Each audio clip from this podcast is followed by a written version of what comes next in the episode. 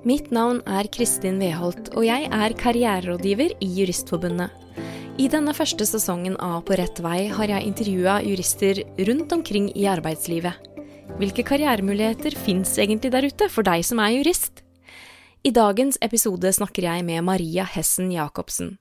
Maria er forsvarsadvokat og partner hos Elden advokatfirma, og i 2021 vant hun Juristforbundets rettssikkerhetspris for sitt engasjement i innsattes rettigheter i norske fengsler. Jeg ville snakke med Maria om hvordan hun jobber for menneskerettigheter og kan endre rettstilstanden nærmest over natten med straffesakene sine. Og hvordan tar hun vare på seg selv i møte med mange tunge menneskeskjebner? Hei, Maria. Velkommen til På rett vei. Hei, hei. Tusen takk. Tusen takk for at du ville være med. Jeg gleder meg til å høre hva du skal fortelle om jobben din og karrieren din. Jeg tenkte kanskje først om du kunne fortelle litt om hva som gjorde at du ville studere juss? Ja. I utgangspunktet var ikke det egentlig planen, men jeg var vel blitt 8-29 og hadde fått barn og ville gjøre ferdig videregående. For det gikk ikke så bra første gang. Og så tenkte jeg at jeg i alle fall skal gjøre det ferdig. Det gikk veldig mye bedre andre gang, som voksen, eh, med noen år bak meg. Og så um, så jeg at jeg hadde ganske mange valgmuligheter, og så så jeg på jus, syntes det virket interessant, og startet der. Mm. Da har ikke angret. Nei. Nei. Jeg syns det er veldig modig å gjøre det i voksen alder. Altså når du ikke har fullført videregående, eller, eller kanskje du hadde fulgt Du ville i hvert fall ta det opp igjen, da. Mm. Og så tar du et såpass akademisk studium som juss er. Jo, men gjennom den eh, perioden på eh, videregående som voksen, så oppdaget jeg jo at jeg er skoleflink likevel. Ja. Det har jeg egentlig aldri vært, eller tenkt at jeg har vært. Men det gikk veldig bra. Mm. Og jeg tenkte at jeg har ikke lyst til å gjøre, være ferdig med det. Nei. Nei. Jeg hadde jo alltid hatt en drøm om å studere, jeg hadde bare ikke klart å realisere den. Mhm. Så hvordan var det å ta juridikum, eller het det det da, eller var det master eh, i rettsvitenskap? Jeg gikk ved Universitetet i Bergen, så der er det integrert master. Ok. Så hvordan var det å være, var du 30 år eller så der omkring?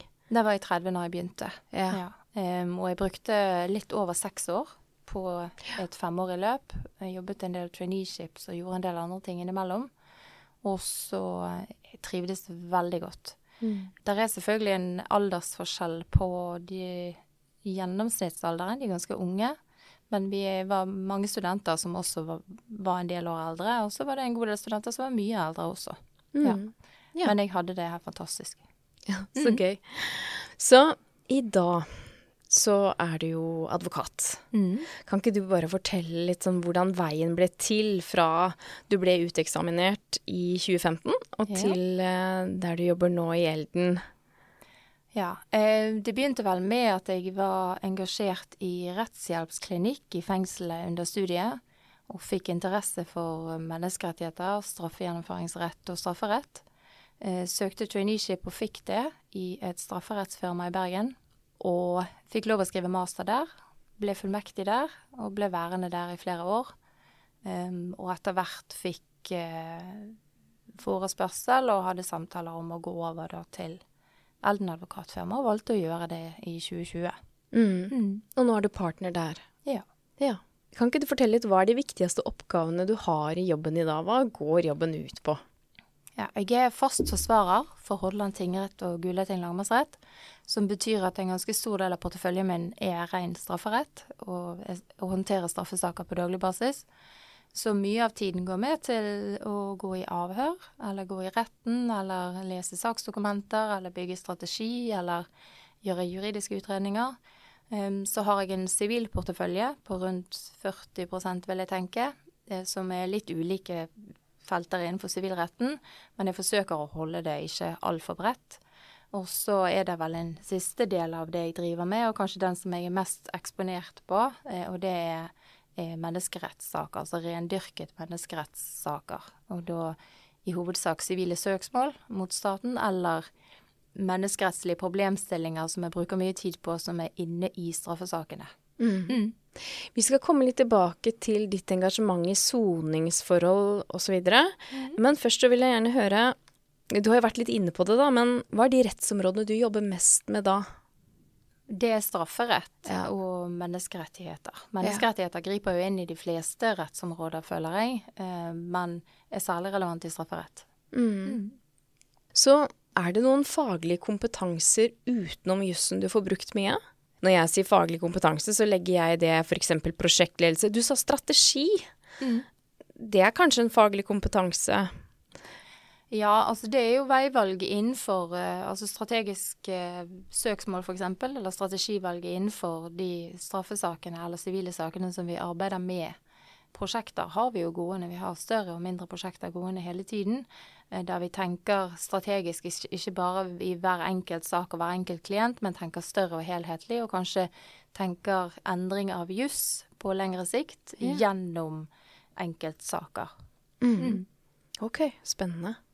Jeg ser jo for meg at eh, altså, i alle yrker så bruker man jo en del personlige ferdigheter også. Eh, hvem er det du bruker særlig i jobben din? Jeg er jo um, utadvendt og et masebrett, sier de hjemme. Eh, Det får jeg bruk for. Eh, men det å være empatisk, lyttende, være der, være en, en solid støtte for noen, er viktig hvis du er forsvarer. Det må du være i stand til. Å være en, en virkelig støtte eh, og ha integritet i den jobben for noen som er i krise tenker jeg er kanskje noe av det viktigste. Og så må du ha en eh, Det er kanskje litt på siden, men du må ha en solid dose humor Ja. for å jobbe med det. Det er Ja. tungt. Mm. Ja, det er også noe jeg har lyst til å høre litt mer om, fordi du får jo se en del skjebner, vil jeg tro. Absolutt. Hvordan tar du vare på deg selv i det? Altså Humor er da én strategi, kanskje. Men hva, hva annet gjør du for å ta vare på deg sjøl i et yrke hvor du får se mange vanskelige livssituasjoner? Velger eh, arbeidsplass med omhu. Ja. Velger kollegaer og, og miljøet, for det er de som du tilbringer en tredjedel av livet med. Eh, og det er de som ivaretar deg, og som du skal ivareta på daglig basis. Um, og det er viktig at det er en god, solid gjeng eh, som er flinke til å ta vare på hverandre. Eh, og i tillegg så må jeg eh, ta ansvar selv. Jeg må koble av. Jeg må være, gjøre ting utenfor jobben som er viktig for meg som person og som menneske, og som i relasjon med de jeg er med. Um, og så må jeg eh, velge uh, kanskje litt hvor store mengder jeg tåler av de ulike sakstypene eller inntrykkene. Noen saker og sakstyper gir mye større og sterkere inntrykk enn andre, og det kan være lurt å velge det. Og så finnes selvfølgelig enkelte strategier som vi lærer å bruke i konkrete saker der vi er eksponert for f.eks. mye em, bilder og videoer som er ubehagelig. Ja. Eh, mm. Ok, hvordan lærer man det? Eh, Det er selvivaretakelse som jeg har fått lære av psykologer, eh, som handler om eh, teknikker som skal forhindre at bilder f.eks. dukker opp igjen i, i situasjoner der det ikke er passende. Ja. Mm. Og så er vi eksponert for andre sin lidelse og andre sine traumer, og har lært en del gjennom f.eks. For foredragene til Heidri Wittrup Djup, som firmaet leide inn. Um, hvordan man kan ivareta seg og skjerme seg for sekundær traumatisering. Altså. Mm. Ok, Så godt å høre at det er, det er en plan bak dette her.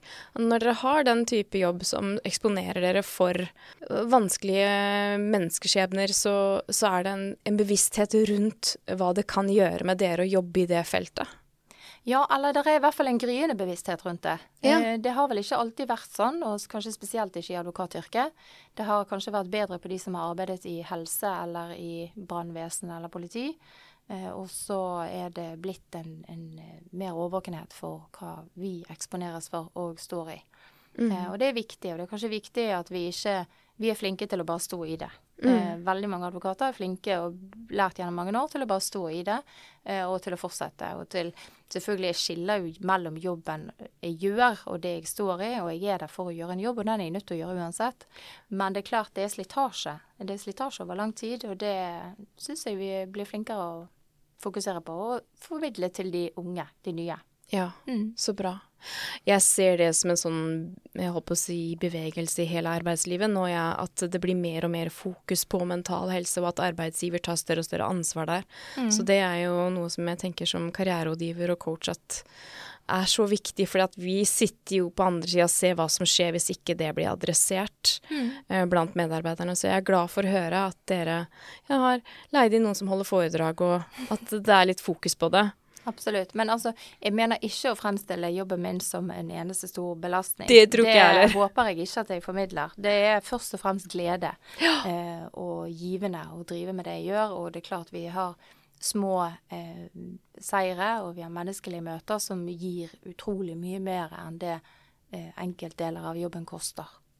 Men der sier du noe viktig, fordi at jeg, jeg, leser mye om hva som skal til for å trives i jobben. Mm. Og når man jobber med mennesker, og man må bruke empati, så, og man bruker seg selv i jobben, som, som, man jo da gjør, for du må være en støttespiller for den, den du eh, For klienten din, da. Mm. Du kan på en måte ikke ta bort den dimensjonen uten også å ta bort meningen i arbeidet. Mm. Eh, så jeg vil jo tro at den jobben du gjør, føles veldig meningsfull for deg. Absolutt. Mm. Absolutt. Største deler av tiden er det absolutt eh, meningsfullt, det vi holder på med. Ja. ja. Sterke, fine møter med folk, og få lov å følge de gjennom det som for de er fryktelig vanskelige tid i, i, deres liv, og få lov å lede de hele veien gjennom og ut på andre siden. Og det er fint. Og det er av og til vakkert. Ja, det vil jeg tro. Når du tenker på den jobben du har i dag da, i Elden, hva tror du gjorde at du fikk den jobben? Vanskelig å si, men jeg det er nok eh, først og fremst engasjementet mitt som har gjort at jeg har vært en attraktiv arbeidstaker. Um, som er noe som jeg fikk formidlet fra det firmaet jeg i dag jobber i, var viktig for de. Uh, det var noe de identifiserte seg med. Og det syns jeg også var viktig at var viktig for arbeidsgiveren min. Mm. Ja. ja. Så det var en god match. Ja. Hva, hva er det beste ved jobben? Mm. Uh, det at den ingen dager er like. Den er veldig dynamisk. Der er veldig mye frihet i jobben. Jeg eh, bestemmer veldig mye selv. Og så er det møtene nok, de menneskelige. Både med kollegene mine, med aktorer, med dommere, med klientene våre. Og ja, i tillegg til selvfølgelig det tekniske og det juridiske. Jeg er veldig interessert i juss eh, og syns det er fantastisk og dynamisk og en hurtig måte å få lov å endre eh, rettstilstanden på gjennom straffesaker. Mm. Mm. Når du sier det. Jeg er jo ikke jurist. Mm. Så jeg blir nysgjerrig da. Er det fordi dere setter presedens, eller hva, hva betyr det når dere kan påvirke gjennom straffesaker? Ja, gjennom en helt ordinær straffesak i 2020 så løftet vi spørsmålet om nakenvisitasjoner i fengsel var et menneskerettsbrudd, og om klienten min skulle få det kompensert. Og ved den ene dommen fra Gulating lagmannsrett, så at de stadfestet at det var et menneskerettsbrudd, så fikk det virkning for alle fengsler i hele Norge eh, nærmest over natten. Eh, så vi fikk endret hverdagen for innsatte og fikk stanset mer enn 100 000 visitasjoner i året gjennom en enkelt avgjørelse. Og det har jeg kollegaer i mitt eget firma og i andre firmaer som gjør hele året rundt. Som gjør eh, viktige presedenssaker, og som løfter enkeltspørsmål inne i både straffesaker og sivile saker, men som, som, får Norge og demokratiet og rettferdigheten fremover. Ja. Mm. Oi, så spennende. Så i 2021 så blei du sammen med psykiater Randi Rosenquist tildelt Rettssikkerhetsprisen for det sterke engasjementet deres i eh, fengselsinnsattes soningsforhold. Mm. Jeg har også lagt merke til at du har noen styreverv, eller er styreleder, innenfor organisasjoner som har det samme engasjementet. Ja. Kan ikke du fortelle hvor det engasjementet for soningsforhold kommer fra? Som jeg sa, så startet det under studiene ved at jeg arbeidet som rettighetsrådgiver i fengselet ja. Eh, på vegne av eh, Wayback eh, og jusgruppen de hadde. Så ble jeg, ble jeg engasjert i Wayback-organisasjonen, og der er jeg i dag styreleder. Jeg er ute av jusgruppen, men ute i juslivet. Så har jeg fortsatt gjennom ulike verv. Så jeg er i Europeiske forsvarsadvokaters menneskerettskomité, i Advokatforeningen sitt menneskerettsutvalg. Der er jeg fått blitt leder i dag. Um, og har vært i forsvarergruppen og vært i Altså, det ene tar det andre. sant? Er du engasjert innenfor et sånt område, så vil du ha et nettverk innenfor et sånt område. Og er du villig til og ønsker å bruke tiden på det um, utenfor arbeidstiden og har en lidenskap for det, så vil jo det bli sett, og så blir du gitt flere muligheter. Um, og så baller det på seg, og så etter hvert må man jo evne å si nei Mm. når det blir for mye. Ja. Ja. Er det noe innenfor det feltet som opptar deg spesielt akkurat nå? Mm. Akkurat nå arbeider vi med noen litt større, tunge saker om innsatte som dessverre tok livet sitt i fengsel, og oppgjøret etter det, og se nærmere på om det var brudd på menneskerettskonvensjonen artikkel 2 om retten til liv. Altså om staten har gjort det staten burde eh, for å forhindre at det kunne skje. Mm. Så det opptar meg akkurat nå. Ja. Mm. Hvilken jobberfaring har du vokst mest på? Mm. Jeg vil si kanskje den tyngste oppgaven jeg hadde, det var når jeg skulle ha prøvesak. Og jeg var ganske eh, Du må ha prøvesak for Høyesterett, og da blir du testet samtidig om du er up for the job. Og det er det ingen som tar lett på, og det koster veldig, veldig mye. Men det er en veldig, veldig lærerik greie. Både forberedelsen av og det å koke store juridiske og faktiske spørsmål ned til et veldig komprimert eh, fremstilling. Å få lov å jobbe sammen med motpart, statsadvokat. Vi er jo vanligvis veldig motstandere i retten, men å jobbe sammen om å opplyse saken best mulig for Høyesterett, det var veldig, veldig lærerikt. Og det å utarbeide en god disposisjon jeg har lært meg, og det har jeg brukt siden. Ja, Og så kostet det nok eh, eh, veldig mye helsemessig også, så det har jeg lært en del ut av òg. Jeg tror jeg gikk ned nærmere åtte kilo på det. Oi, Mm. oi, oi. Ja. Ja. ja, men det var lærerikt. Absolutt. Mm. Ehm, I det samme moment, holdt jeg på å si, eller jeg vet ikke om du kan si at det er i samme moment, men jeg tenker når du er for Høyesterett, altså nå er du jo partner. Mm. Kan du si litt om hva er det en partnerrolle krever av deg, som man ikke nødvendigvis har ansvar for når man er fullmektig eller fast advokat, eller Å være partner eh, var jeg egentlig ikke klar over hva det innebærer før jeg sa ja til det. Eh, men det betyr jo at du tar inn saker og delegerer saker, og er ansvarlig for eh, at andre eh, gjør det arbeidet de skal, eh, og at det blir jo en større portefølje egentlig enn den du egentlig sitter med selv til dagen. Eh, og så er det et ansvar for alle de andre sine saker også. Også medarbeiderne som arbeider med det, at de har det bra og føler seg sett og hørt, og, og får lov å få opplæring på en god måte. Mhm. Så det blir liksom en leder, eh, lederrolle også? Ja, Mm. men vi er mange om det, da. Det er jo selvfølgelig økonomiske forskjeller på det også, Jo, det er jo. forskjellige inntjeningsmodeller og sånt, men, men jeg opplever vel at det er den rollen først og fremst det innebærer. Ja. Mm. Fortell, om en gang du følte at du virkelig gjorde en forskjell som jurist. Nå tenker jeg at det, det må du ha ganske mye av i jobben din, når du kommer så tett på mennesker i så prøva situasjoner, liksom.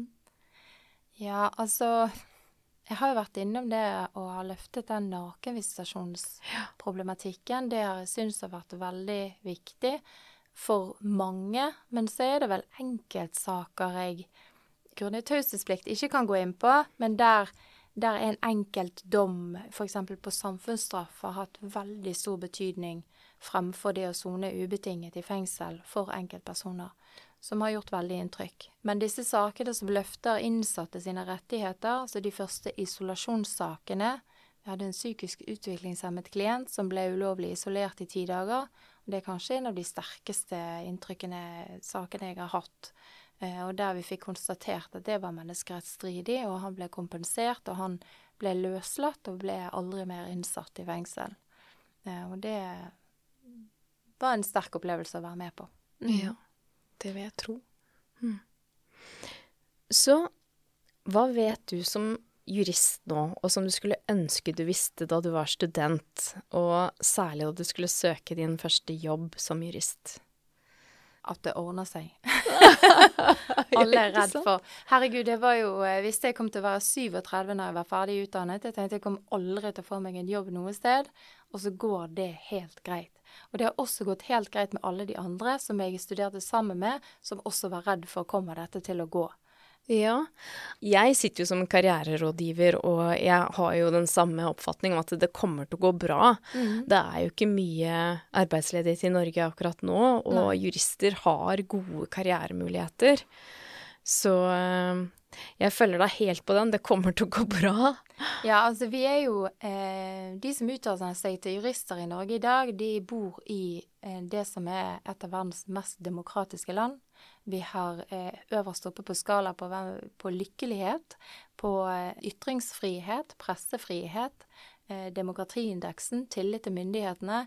Vi har en arbeidsmarked som gjør at vi kan velge. Det er ikke bestemt lenge før du kunne velge selv og bli voksen hva du skulle drive med resten av livet. Du kan velge. Det er et enormt privilegium.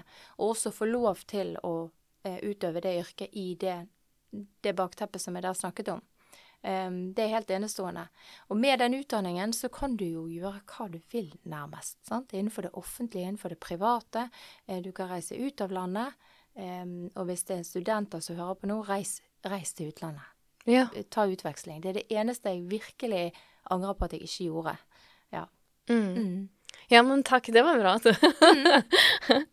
Så det siste spørsmålet jeg har til deg, det er hvilket spørsmål skulle du ønske jeg hadde stilt? Er det noe du engasjerer deg i som du har lyst til å snakke om? Det er vel eh, hvor veien går videre, som hadde vært et naturlig spørsmål. Altså hva skal jeg bli når jeg blir stor? ja.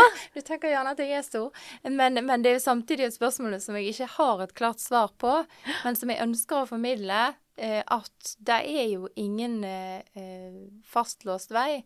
Jeg holder det helt åpent. Jeg er bare 45. Jeg har nettopp begynt i arbeidslivet, føler jeg, og har blitt gitt enormt mange muligheter hittil. Det er kjempeprivilegiet, og jeg vet det er mange ting jeg ønsker meg. Ut av Norge, eller bli i Norge, eller til Oslo kanskje, eller Ja. Men, men, det er ingen veier som er stengt, og så kan jeg velge. Og det er veldig, veldig gøy. Og jeg gleder meg til å se hva, hva jeg blir når jeg blir stor. Så fantastisk at du har det perspektivet på karriere. Det er mange som tenker at det er for sent, jeg er for gammel, og så tenker de det før de bikker 30 omtrent. Og jeg som karriererådgiver, jeg tenker jo nei, det er aldri for seint, hvor lenge skal du stå i jobb? Du har ennå liksom regn deg opp til eh, du er 70, hvor mange år står igjen da?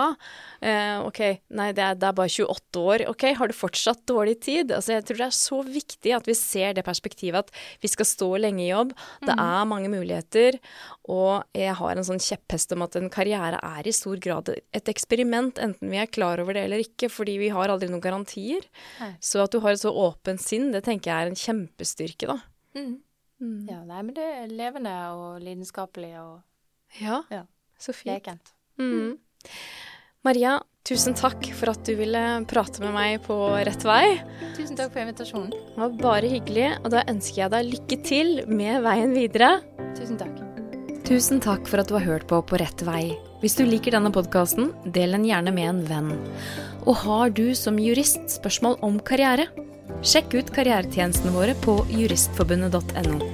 For medlemmene våre tilbyr vi gratis karriererådgivning og digitale karrierekurs. Du kan også følge Juristforbundet på sosiale medier som LinkedIn, Instagram og Facebook. Vi høres!